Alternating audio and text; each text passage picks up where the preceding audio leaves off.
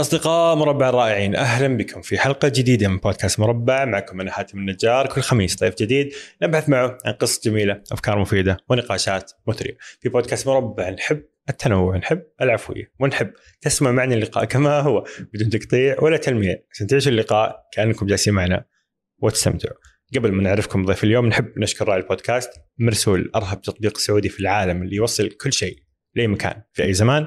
يساعدنا أيضا نوصل بودكاست مربع لكم. كل ما تجي تطلب اطلب مرسول. كل ما طلبت مرسول استخدم كود مربع اللي بيكون فيه عروض وتخفيضات طوال العام. أما ضيفنا اليوم ومن مدينة الأحساء اللي اسمها الحقيقي الحسا بس يعني أحساء. أحساء هذا اللي في الرياض وشر... اللي في الرياض وجدة يقولون أحساء.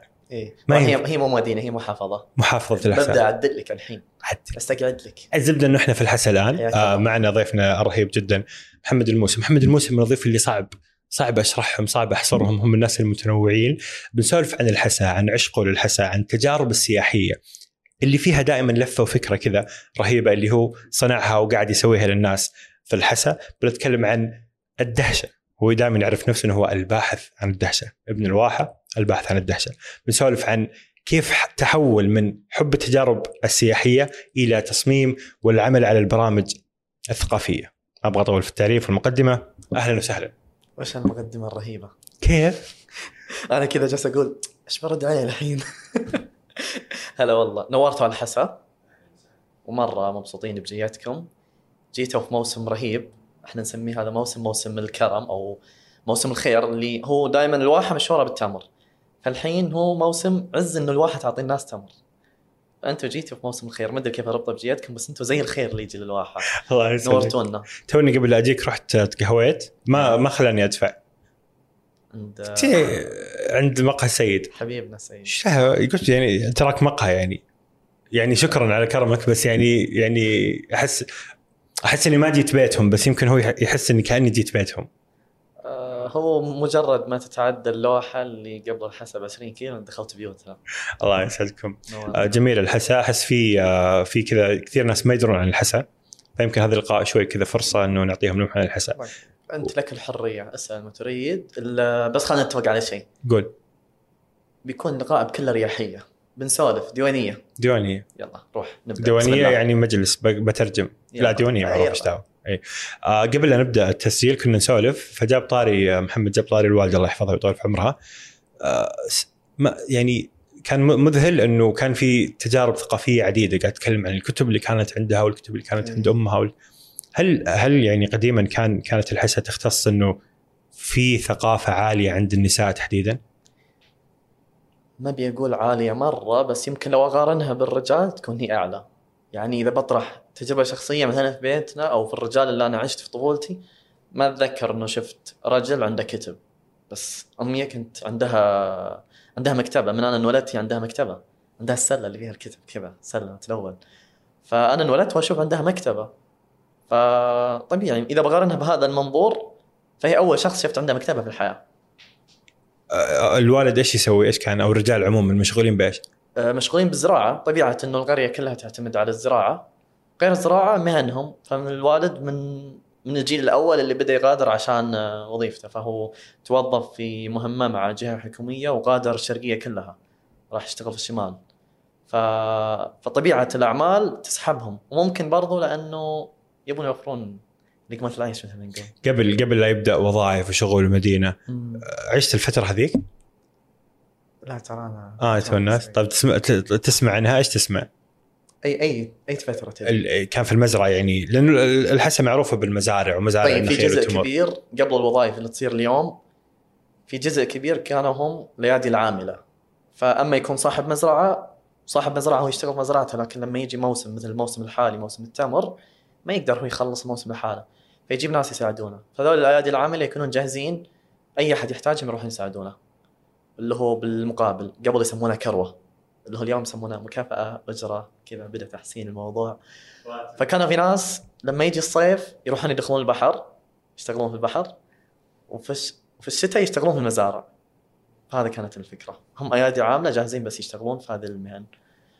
ال- يمكن لو لو انت اخذت جولة اليوم في الحسا باقي إلى اليوم ممتد هذا الشيء إنه ما بقول إنه مو موجود إلا في الحسا بس موجود بصورة واضحة إن الحسا يشتغلون كل حاجة. تدخل مطعم بتلاقي من اللي يطبخ لين اللي ينظف كلهم الحسا. شباب كبار صغار فهم مهنيين في حرف كثير منتشرة في الحسا. أصلا في عوائل في البلد بتشوفها هم مرتبطة بالمهنة. البطاط هو اللي مهنته كان يبط المزارع. الحداد هم اللي كانوا يحدون. ففي عوائل مشهورة بحركه البشت فالحسا مرة مشهورة بالمهن. اللي الحين اعتمدت في اليونسكو بسببها اللي هي من المدن المبدعة في الحرف اليدوية. ليش تحس الحسا حافظت على هذا الشيء؟ ما يعني ما انتقلت للتمدن انه يصير في مصنع ومدري إيش وعمال وكذا؟ مو واضح مرة ليش.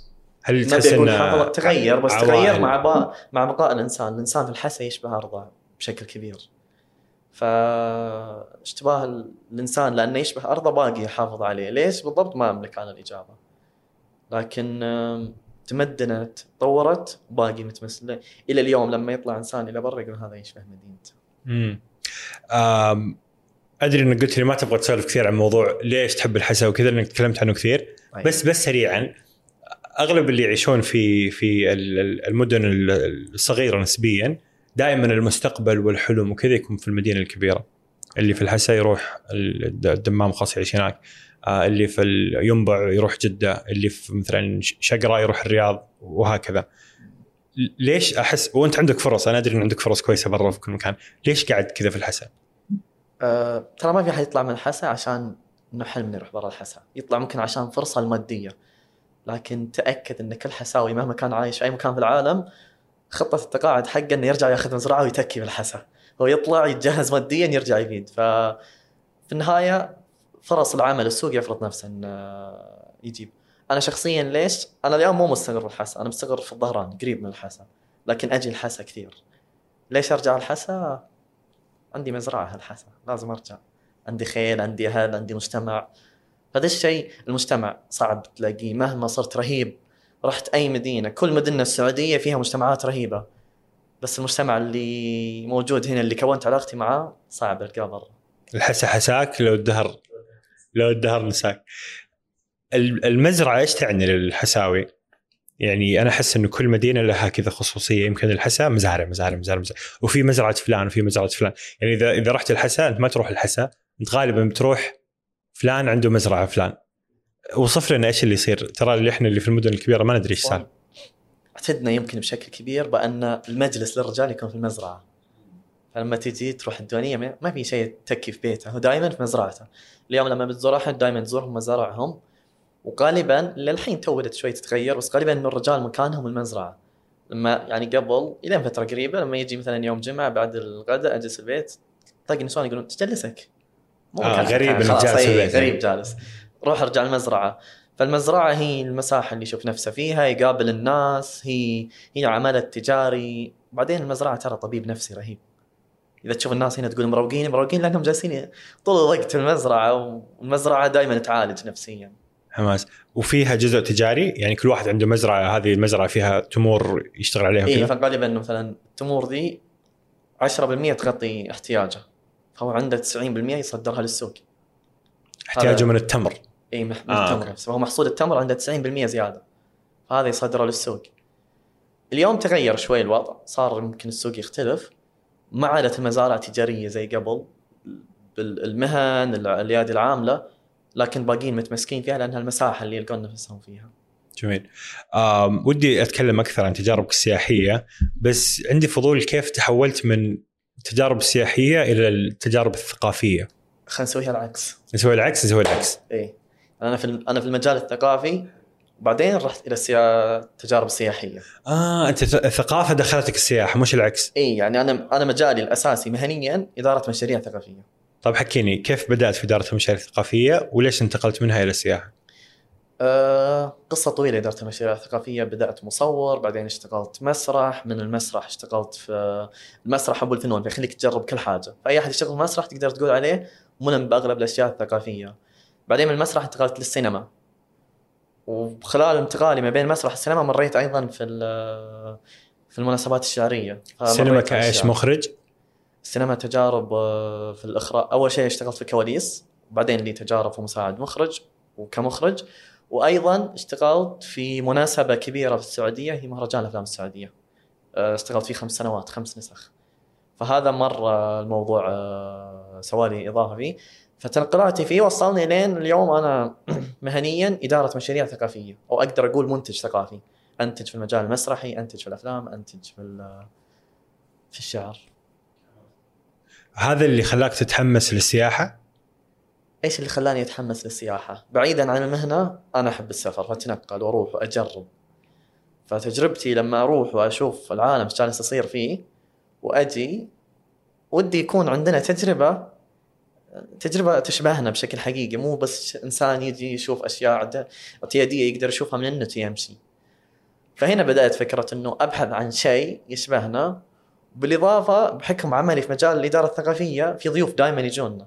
فنانين مثقفين مشاهير فإنه أنا أبغاهم يشوفون البلد فما أبغاهم يروحون مع مرشدين سياحيين ناس عاديين فدائما يجون معنا فدائما صرت أشيل هم إنه كيف بوريهم البلد خلاص فصار عندي هواية غير العمل إني أصنع لهم تجربة. والتجربة ذي لازم تكون مختلفة لازم تكون تجربة أصيلة. إيش أقصد بتجربة أصيلة؟ تجربة لما حاتم يجي الحسا ما يلقاها في أي مكان ثاني غير الحسا. ولما يجي الحسا التجربة اللي يخوضها مع محمد ما يلقاها لما يخوضها مع أحمد محمد ثاني إكس من الناس. هذه الفكرة. والتجربة لازم تكون تشبه البلد وتشبه محمد بتجاربه اللي خاضها. هذه الفكرة. يعني اليوم التجارب السياحيه اللي أنا جالس أصنعها ما أستهدف فيها عامة الناس. أنا أصلا ما فتحت سوق عشان أجي أقول أنا شركة سياحية. لا أنا صانع تجارب أستهدف فيها فئة معينة يجون أصنعها لهم. قبل لا نتكلم عن تفاصيل التجربة هل تحس إنه أي شخص في أي مدينة يقدر يعيد اكتشاف المدينة اللي هو فيها ويصنع فيها تجربة سياحية؟ ولا هي شيء بس في الحساء لأن فيها فيها أشياء سياحية لا, أكثر؟ لا في أي في أي مساحة مجرد بان يبدأ خلى أول شيء يخوض تجربة إنه ينظر لمدينته بعين السائح فيبدأ يطلع للشوارع ويشوفها بعين السائح يعني أنا مع التجارب في أشياء شفتها في الحسا بعين الناس اللي جاوا كنت أمر عليها يقول آه شيء عادي. وهم يشوفون أه دقيقة دقيقة خلينا نناظر. فأنا كنت أنصدم اللي ترى شيء عادي يعني عادي تشوف ناس يبيعون سمك على الرصيف. أو اللي جاي من الرياض مو مو مو شيء عادي بالنسبة له. فأنا صرت أوكي. فكيف ممكن أجيب ناس خليهم يشوفون هذا الشيء بمنظور جديد؟ آه عادي أشوف خيول يتمشون بين المزارع بكمية كبيرة. هو يقول اوه واو. فأنا فصرت أشوفها بمنظور السائح فاليوم طول ما أنا أمشي في أيام العاديه الأشياء اللي أشوفها عادية صرت أقول لو أنا صايح كيف بشوفها؟ فهنا أبدأ أفكر. فمجرد إنك تغير نظرتك تخلي نظرتك للشخص اللي أنت نظرتك اعتادت على الاماكن اللي حولك تشوفها عادية بينما هي مدهشة أصلا. فكل شخص يقدر يصنع تجربة فريدة.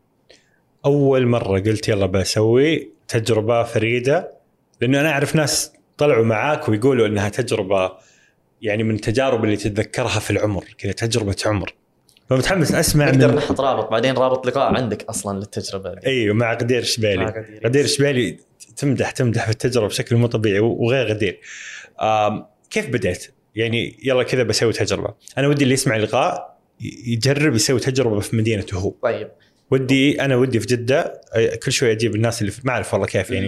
بس ودي كذا أجيب الأصدقاء اللي في الرياض وكذا أسوي لهم تجربة في جدة. آه ودي اللي في الرياض يجيب الناس اللي منه يسوي لهم تجربة في مدينته. فوصف لي كيف كذا أنت لحالك بدون شركة بدون مدري إيه. أنت شخص أحسائي احساوي من, من وين سويت تجربة. من وين جات الشرارة؟ اول أول شيء. أو أول شرارة كانت عام 2016 2017 كنت شغال على مشروع في مصر. المشروع كانت فكرته إن إحنا نتنقل بين المدن ونطور تجارب سياحية مع منظمة عالمية. استمريت فيه ثلاث شهور تقريبا. وكان كنا group من كل دول العالم. أنا الوحيد عربي تقريبا. بعد ما رجعت من ذيك التجربة كانت مدهشة جدا. زرت تقريبا كل مدينة في مصر في الثلاث شهور. كنا كل مدينة نجلس فيها ثلاث أيام. لما رجعت كنت أفكر إنه okay ليش ما نسوي مثلا في السعودية؟ بدل ما نسوي تبادل ثقافي آخذ ناس سعوديين نوديهم بريطانيا نجيب ناس بريطانيين. ليش ما نسوي تبادل ثقافي داخل السعودية؟ إحنا بلد واسع جدا. تجي حق شخص من حاتم تقول له تعرف السعودية؟ يقول لك إيه بس تبدأ تسأله بتفاصيل ما يعرف. إحنا نعتقد إن إحنا نعرف وإحنا ما نعرف. والإنسان طبيعته عدو ما يجهل. إحنا نبي برضو نسوي تعايش كبير نبي الناس تتلاحم أكثر. فبديت أكبر المشروع لين تحول إلى مشروع مرة ضخم ما حد ينفذه إلا مو- جهة حكومية. خليته على جنب. لين جات فترة قلت خلاص خليني أبسطه. واسويه بشكل مبسط جدا وأعالج فيه قضية. قضيتي إنه الإنسان اللي ما يعرف شيء. يعني ما ب... في شيء إنك ما تعرفه وفي شيء إنك تعرفه بصورة خاطئة. فكيف هذه نعالجها؟ بديت فكرة للدهشة حضن بشكل جهود شخصية. ساعدوني في الحسا بديتها. عندي هنا خيارات كثير. ربعي السيد هاشم انت رحت لو رفض ياخذ قهوة. فهذا الصاحب لما دق عليه يقول أحتاج منك هذه الخدمه راح يقول لا. فهنا كانت عندي مساحة تساعدني إن أنا أبدأ المشروع. فكرة المشروع ببساطة كانت إني أستضيف ثلاث أشخاص من السعودية من مناطق مختلفة من من جنسين مختلفين بنات واولاد يكونون من متوسط يعني عندهم معرفة في مجتمعهم بس مو مرة مشاهير. يكونون عندهم قدرة على التعبير عن رأيهم. ما أبي شخص لما أجيبه وأسوي له مشروع في النهاية ما يعبر. واو بس خلاص. أبي يقول اللي يحس فيه. وأبي شخص شاف الدنيا. ما أبي أجيب شخص ما شاف شيء. ما أبي أجيب شخص ما شاف شيء وأسوي له شيء بسيط يقول واو لا. فاللي جبتهم ناس سافروا وشافوا الدنيا وأبي أشوف كيف يشوفون اليوم البلد. وفي تجربة كانت كنت أعتمد على عنصرين في التجربة. عنصر الدهشة وعنصر السياحة الصامتة. إيش هو عنصر الدهشة؟ عنصر الدهشة اليوم حاتم شاف صور كثير عن هذا المعلم. فلما يروح يزوره صار عنده اكتفاء في اللاوعي بدون ما يحس. فيشوفه يقول wow جميل. بس الدهشه اللي الصدمه ذي اللي تشوف شيء غير متوقع وتوقف. بدينا نفقده من قد ال social media عبت فينا في اللاوعي بشكل مو طبيعي. ودائما أقول عنصر الدهشه المفروض الحين ما نفقده لو فقدناه فقدنا الأطفال اللي داخلنا. فدائما عندي دعاء أدعي كل يوم جمعة. يا رب خلي الدهشة دائما معي. فأعيش على الدهشة. والشيء الثاني عنصر السياحة الصامتة. إيش هي السياحه الصامته السياحة الصامتة؟ عندي إيمان بأن كل مكان يقدر يتكلم عن نفسه أكثر من الناس. فاحنا ليش لما نروح نزور هذه الشجرة لما نروح نزور هذا الجبل يظل محمد يتكلم هذا الجبل عمره هذا الجمل يتكلم. لا أبي أشوف لما الجبل أجيب شخص وأشوف كيف يتعاملون مع بعض كيف الجبل يوصل صورته وكيف هذا يتقبلها ويتفاعل معه. فكان عندي هوس أبي أشوف السياحه الصامتة إيش تسوي. فاستضفت ثلاث أشخاص كلمتهم وكان عندي. آه شيء مهم إنه بحثت هذا أرهقني إنه أبحث عن ناس إيش تعرفون عن الحسا فكنت أبي أجيب ناس ما يعرفون شيء. ثلاثة ذولي قالوا نخيلة عمر نخيلة عمر نخيلة عمر قلت okay. ذي المعلومات تجي بالولادة كذا information محطوطة معك جبتهم أول ما وصلوا قلت لهم okay راح نبدأ الآن جولتنا لمدة 24 ساعة. ناخذها بشروط معينة. أول شيء إنه ما تعرفون أي شيء من البرنامج مسلمين أنفسكم لي. فكل مكان نروحه بقول لكم يلا بنروح المكان اللي بعده. فكل الجدول مدهش. نعتمد على عنصر الدهشة في الأماكن. الشيء الثاني يعتمد على السياحه الصامتة. أبي أحول المدينة إلى جاليري صامت ونشوف كيف المدينة تتكلم عن نفسها. ما أنا ما راح أتكلم. يحق لكم تسألون يحق لي ما أجاوب. قالوا آه طيب ليش نسأل؟ قلت إذا سألت وما جاوبت من وين تبحثون عن إجاباتكم؟ من المجتمع. نزلوا الشارع وسالوهم لأن كان عندي هدف برضو إني أشبكهم مع المجتمع. ما أبغى يقولون إنه أوكي محمد حسن صورة المكان حطه في إطار معين. لا روحوا بحثوا عن إجابة بشكل حقيقي. كان فيها شروط إن أول موقع ننزله مثلا أول ما ننزل كل موقع في 20 دقيقة ما في استخدام جوال صمت أشوف تأملهم. فكنت أشوفهم كيف ينظرون أي شيء بسيط أشوف كيف تفاعلهم معه. تجربة كانت مدهشة لي أنا قبل لا تكون مدهشة لهم. نتيجتها كانت عظيمة جدا أثرها كم كم يوم اللي كانت؟ بعده 24 ساعة. يوم بس واحد؟ اي بس كان فيها جدول مضغوط جدا كان فيها إدارة وقت محسوبة عظيمة. كانوا وياي ف... أنا منفذتها بشكل شخصي. كان وياي فريق عظيم حدود 16 شخص. كنا نحسب الدقائق في الطريق كم ياخذ. يلا يا شباب لازم نتحرك من هنا. في هناك فريق مستعد. 16 شخص على ثلاث أشخاص؟ عشان نصنع تجربة و يظلون يتكلمون فيها سنوات قدام. حماس في شغله هذه نجحت صراحة. في شغله أيوه. يمكن انت زرت السي... في عندنا عادة مثلا لما تيجي وياي نروح قهوة يشوفونك أصحابي بحكم يعني شهرتنا في البلد يقولون آه فلان جاي وياك. آه، زار الأماكن فيبدون يعددون. حاتم روح زور المكان ذاك. فضمن السيناريو طبعا لازم أشتغل على السيناريو. كل مكان لما يروحون كيف بيتكلمون؟ مين بيقابلون؟ إيش بيشوفون؟ فكنت أنا حاط سيناريو كامل وضمن السيناريو الأشخاص اللي أعرف إنهم بيكونوا موجودين في هذه الأماكن دقيت عليهم. قلت ترى أنا خطتي سياحة صامتة. تسلمون على الشباب بس ما تتكلمون عن مواقع سالفوا معاهم عن موقعك فقط. لكن لا تقول لا زرت ما زرت بتزور؟ فكانت هذه الفكرة. آه، في ال في ال 24 ساعة دقيت عليهم في الليل رجعنا الفندق راحوا يبدلون دقيت عليهم قلت لهم يلا نزلوا. نزلوا دخلتهم غرفة الشماعات شافوا ناس جالسين. هم انصدموا شو السالفة؟ قلت طول اليوم وإحنا ساكتين. الحين جاء الوقت اللي أوريكم نموذج جاء الوقت اللي أتكلم أوريكم نموذج عن الإنسان في البلد. شفتوا حضارة شفتوا طبيعة شفتوا أشياء رهيبة. ذي الأشياء ما استمرت لولا وجود إنسان رهيب في ذي البلد. فجبت إنسان يمثل إنسان الحساوي. فكنت جايب آه، فنانة تشكيلية تتكلم على أثر الواحة على الفن التشكيلي في الواحة. كنت جايب شاعر يتكلم على الشعر في الحضارات اللي مرت على الواحة. كنت جايب سينمائي يتكلم على السينما في الواحة والسينمائيين من وين بدأوا وين وصلوا اليوم في العالم. وكنت جايب فنان مؤدي صوت مغني. لأن الواحه الواحة برضو تشتهر بالأداء الصوتي الرهيب فنانينها. فكل شخص في فترة زمنية تكلم على أثر الواحة في المجال اللي هو فيه. وصلت لهم نموذج بسيط عن الواحة عن الإنسان فيها. وبعدين قسنا الأثر يعني.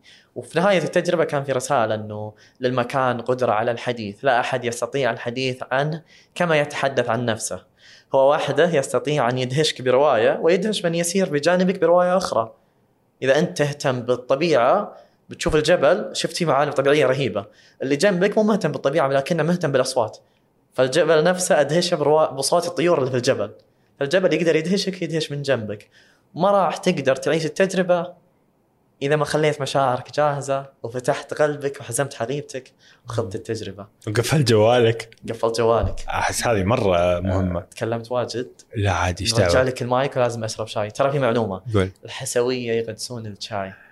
شاي مخدر. شاي. مخدر توني شاي مخدر. شاي مخدر. على. بالك ما نقدر كل بين جملتين ثلاث جمل أخذ أخذ الجرعة. شاي مخدر. هل في مكان رحتوا أتوقع جبل قاره معروف الحساء. في مكان رحتوا كان آه، أذكر كان في كتاب عن التصوير من زمان. كاتب لك تعليمات عندما يكون المكان قد قتل تصويرا. يقول كيف تتعامل مع الأماكن اللي آه، في باريس تروح تشوف هذا في الحساء جبل قاره في مدري إيش. في مكان راحوه كان قتل تصويرا وفهما وبحثا وقدرت تدهشهم مرة ثانية؟ يس كيف؟ حكيني. أغلب الأماكن كانت مفهوم فكرة السياحه الصامتة فهي تعيد نظرة أخرى. بس مثلا إذا بضرب مثال بالتحديد جبل قارة اللي أنت الحين كررته كثير. معروف خلاص حسن جبل قارة. خلاص الحسا الناس عرفت. أصلا المصورين يقولون لو بنصور جبل قارة ما في زاوية. إي خلاص. جديدة تصور كثير. فأنا لما أروح جبل قارة أخليهم يشوفونه بصمت فهم جالسين يشوفون شيء جديد. آه، غدير اللي زارت جبال كثير في العالم بكت على جبل قارة. أوه كيف؟ جبل الناس تشوفه بسيط خلاها تبكي. لأنها ما سمعت أحد. الجبل كلمها بنفسه الجبل جاء قال لها تعالي حسي فيني.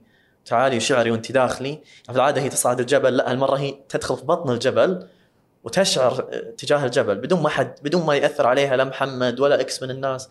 هي تعاملت مع الجبل بشكل مباشر. حتى في الوثائقي اللي وثقناه كيف أنا بصور أبي اوصل مف- صورة جديدة عن الجبل. ما كنت أصور الجبل. كنت أصور عيونهم. أبي أقول للناس شوفوا عيونهم كيف تشوف الجبل. هنا هذه صورة جديدة إنه لا تشوف الجبل شوفوا عيون الناس. هذه. أحس فعلا إذا قعدت تتأمل أكيد ليس من رأى كمن سمع ومن ذهب كمن رأى بس فعلا أحيانا قدام البحر مثلا كل أحد في البحر كل أحد يروح البحر. إذا رحت البحر وركزت وتأملت وأخرت الجوال وما كلمت أحد تبدأ يا أخي تشعر بم- بمفاهيم. تشعر بال- بالمدى تشعر بالسكون تشعر بال- بالضآلة تشعر بال في كذا مشاعر ومفاهيم فعلا. أول شعور الاتصال بينك وبين الأرض. تشعر بالطبيعة تش... فعلا تحس إنك كذا جزء منها. تقعد تلعن الساعات والأيام اللي قاعد فيها أنت في غرفة مقفلة. الرأسمالية تحديدا. آه، عموما يعني. والله جد يعني هي تجارب جدا قليلة تصير. تحس إنه ليه كذا إحنا قاعدين نسوي؟ تحس لا يا أخي غلط لازم نطلع كل شوي. فالجبل أنا قاعد أتخيل شعور لو فعلا دخلت جبل قارة و... و- وأعطيت نفسي فرصة إني اشعر بالمشاعر هذه مو اظن بس مو بس يعني إحنا ضربنا على الجبل بس مو بس جبل أي شيء تقدر تشعر فيه يمكن بتكلم عن مساحة خاصة. الناس قالوا إن فيها مجانين. أنا من المشاعر الحلوة اللي أحبها يوم أروح المزرعة أنا تربيت تحت نخل.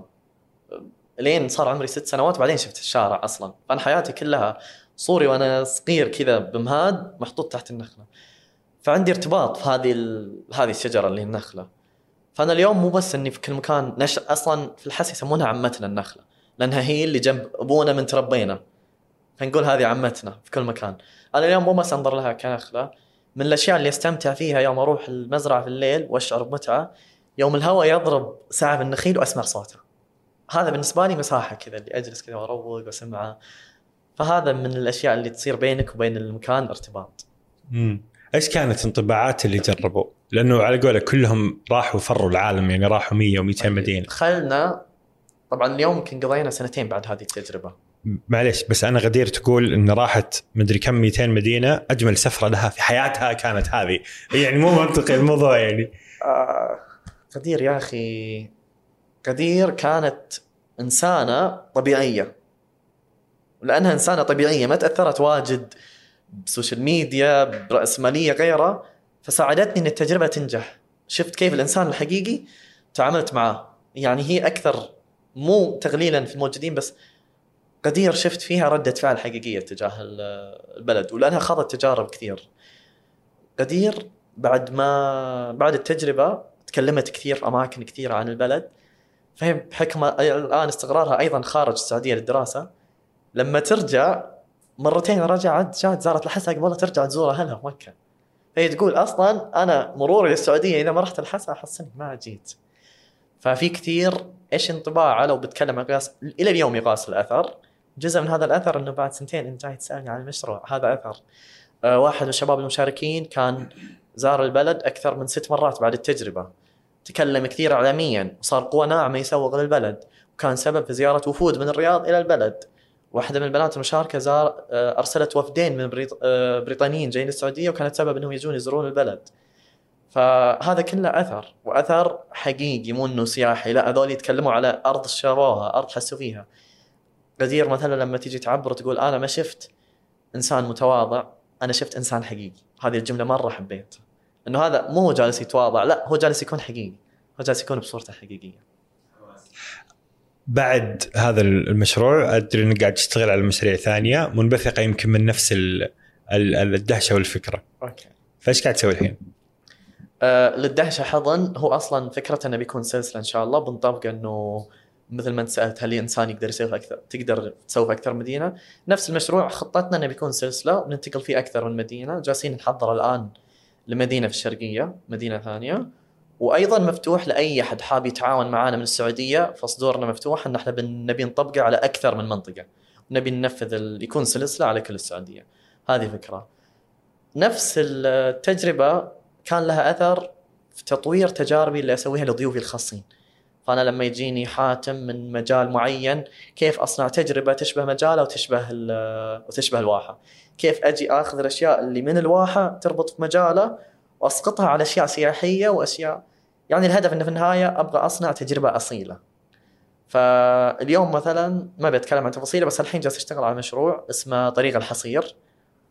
طريق الحصير هو ال stage الأول للمشروع الأم. في مشروع اسمه حصير.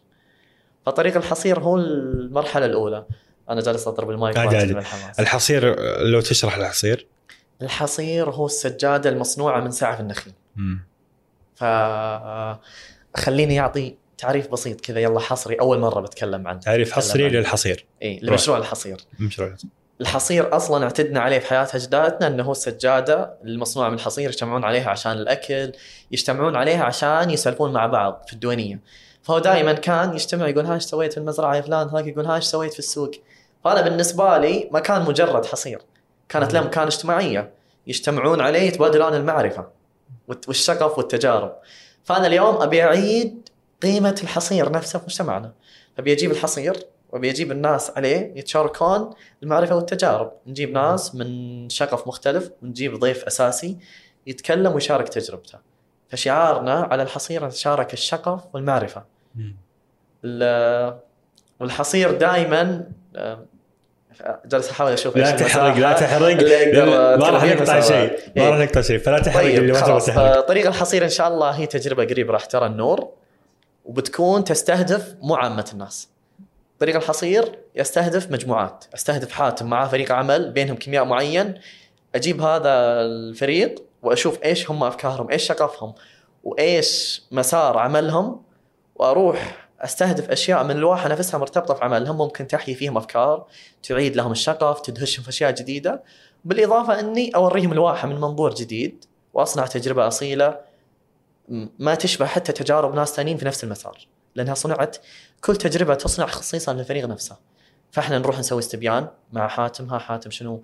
ارسل للفريق حقك شنو اهتماماتهم شنو مساركم شنو الأشياء اللي خطوها شنو بيئتكم العمريه هل عندهم لياقة ما عندهم لياقة. بعدين نجي مع فريق العمل عندنا نتكلم إنه okay كيف نصنع سيناريو رهيب يناسب حاتم فقط ما يناسب شخص غيره. فكل تجربة ما تتكرر عندنا تجربة فقط لحاتم صنعت. إن. شاء الله قريب. عجبني التكامل الثقافي هذا. الحصير اللي ما يعرف الحصير. أو اشرح لي كيف أصلا نشا الحصير من من النخل. أهمية ال- الحصير في الثقافة الحساوية. طيب كويس ذكرتني لنقطة أنا كنت ناسيها. أصلا الحصير فكرة أنه النخلة في البلد هنا هي من يوم تطلع هي صغيرة الناس يستفيدون من منتجاتها غير التمر نفسه. يأخذون السعف ويسوون فيه آه، جدار حضار عشان يسترهم في المزرعة. ياخذون السعف يبنون فيه حصير عشان يعيشون يصلون عليه يتقدون عليه. ياخذون السعف يبنون فيه آه، مرحلة أو قفة اللي يحطون فيها التمر يشيلونها فهي تسوي منتجات أكثر من التمر. فهي مش موجودة في حياتنا في كثير أشياء. ياخذون جذع النخل لما تكبر النخلة خلاص وقربت تموت ياخذون الجذع نفسه ويحطونه في سقف البيت ويبنون سقف. ف... فالفكرة إنه إعادة تدوير لكل منتجات النخلة من أول يوم تنبت فيه إلين آخر يوم تموت فيه. فهي إعادة تدوير بشكل بيئي. الحصير نفسه لليوم المشروع اللي أتكلم فيه هو إعادة تدوير لأفكار للشغف الموجود عند الناس الرهيبين عشان يستفيدون من الناس الرهيبين الجدد. هذه فكرة الحصير مرتبطة بالكونسبت نفسه للحصير الأساسي. جميل جميل. تحس يمدي فعلا أي أحد يأخذ هذه الأفكار؟ مو يعني ما بيسرقها منك يعني بس خير واجد. كل مدينة كذا أحس لازم يصير لها مشروع زي كذا. يقدر يسقطها على هوية المدينة. ويطلع بشيء أصيل يشبهها أصلا. آه بسوي إعلان سريع. قول لي إذا عندك آه المجموعات كيف يدفعون لك؟ ما عندك موقع صح؟ آه قريب إن شاء الله راح يكون في منصة راح يكون في حسابات راح حلو. يكون في حصير. إذا سويت. منصة شركة تاب عندها بوابة دفع مرة ممتازة سهلة تستقبل كل الدفعات. وإذا ما سويت منصة شركة. حاتم مرة يحب التسويق. بعطيك الاعلان تسوي طبعاً. شركة Tap اسمع. بعدين حاتم يصير. انت تبغون تسوون سياحة؟ ترى في حصير في حصير خلاص نسوي بعض كلنا. شركة Tap الخليجية عندها تطبيق goCollect في group الواتساب لما تجمع الناس تبغى كيف يدفعون لك؟ كيف؟ كيف؟ ترسل لهم فاتورة برابط من تطبيق goCollect ترسل الفاتوره يدفعون بالرابط عن طريق وسائل الدفع. المتنوعة. حمل goCollect الآن واكتشف وسائل الدفع السريعة والسهله لازم تعلمني عن بعد اللقاء. كيف؟ تعلمني عن Tap عشان أتعلم. خلاص. أجهز فواتير حمل. التطبيق. مرة سهل. تمام. حمد الموسى أهلا وسهلا. شكرا لك. حبيب. حمستنا والله على الحسا. حبيب. آه، موفق في المشاريع الجاية. ودي. ودي فعلا هذا اللقاء يحمس الناس. وأنا أحس دائما يا أخي في أشياء يمديه يسويها الفرد العادي. يعني مو لازم يكون عندك شركة. مو زي ما أنت سويت. قلت مشروع كان يحتاج دعم حكومي بعدين رحت بسطت وبسطت وبسطت وسويت لحالك آه ودي هذا اللقاء يلهم كذا الأشخاص العاديين اللي قاعدين في بيوتهم. سوي تجربة. كل مدينة فيها قصة. ما شاء الله المملكة العربية السعودية واسعة ومتنوعة بثقافات و... وجغرافيا متنوعة وتاريخ متنوع. كل أحد يمديه فعلا يسوي تجربة. خليني أسوي أنا إعلان سريع. سوي إعلان سريع. اعلان غير مدفوع لكن امتنان.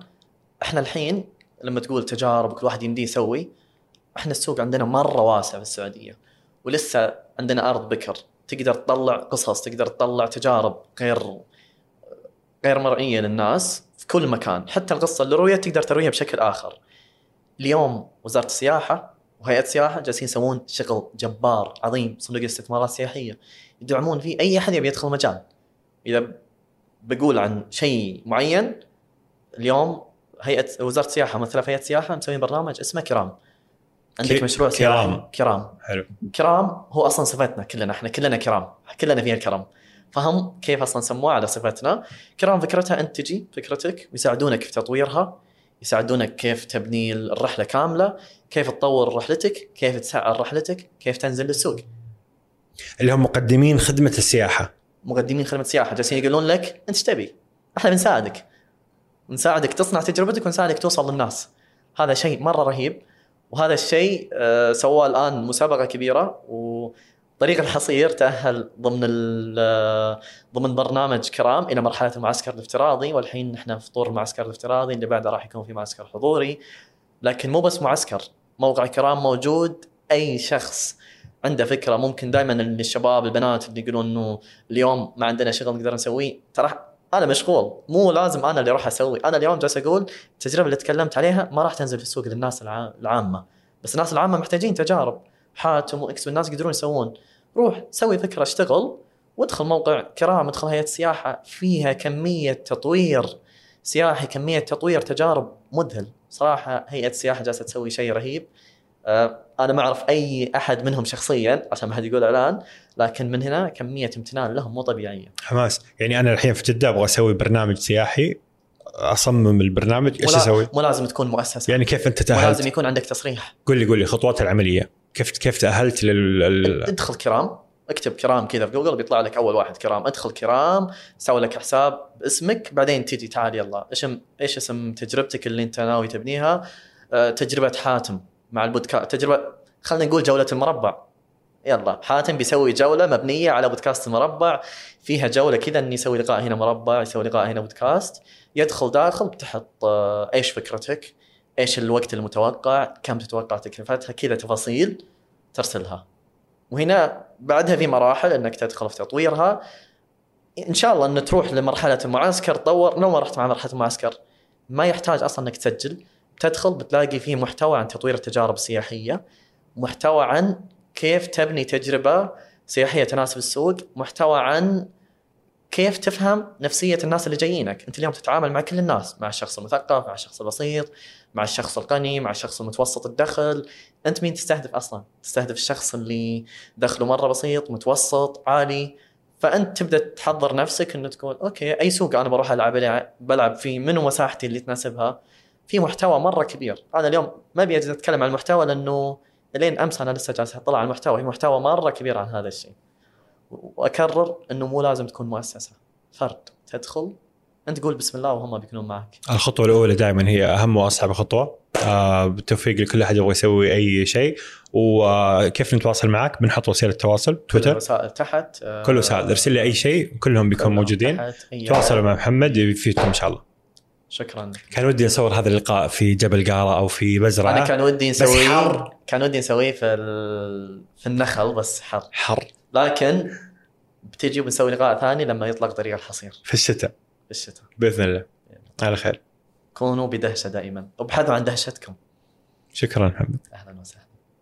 أصدقاء مربع الرائعين شكرا لاستماعكم كامل اللقاء. أتمنى أن هذا اللقاء أبقاكم على قيد. الدهشة وأتمنى أنكم استم- استمتعتوا واستفدتوا بسوالف محمد الموسى وأتمنى أنكم تحمستوا تبدأوا تجاربكم السياحية. ادخلوا موقع كرام شوفوا ما هو إعلان طبعا بس يعني يحمس صراحة. ادخلوا موقع كرام شوفوا التجارب اللي ممكن آه، تشاركوها. إذا استمتعتوا بهذه الحلقة وباللهجة الحساوية الجميلة جدا شاركوا هذا اللقاء مع أصدقائكم في جروبات الواتساب تويتر إنستغرام يفيدنا جدا النشر.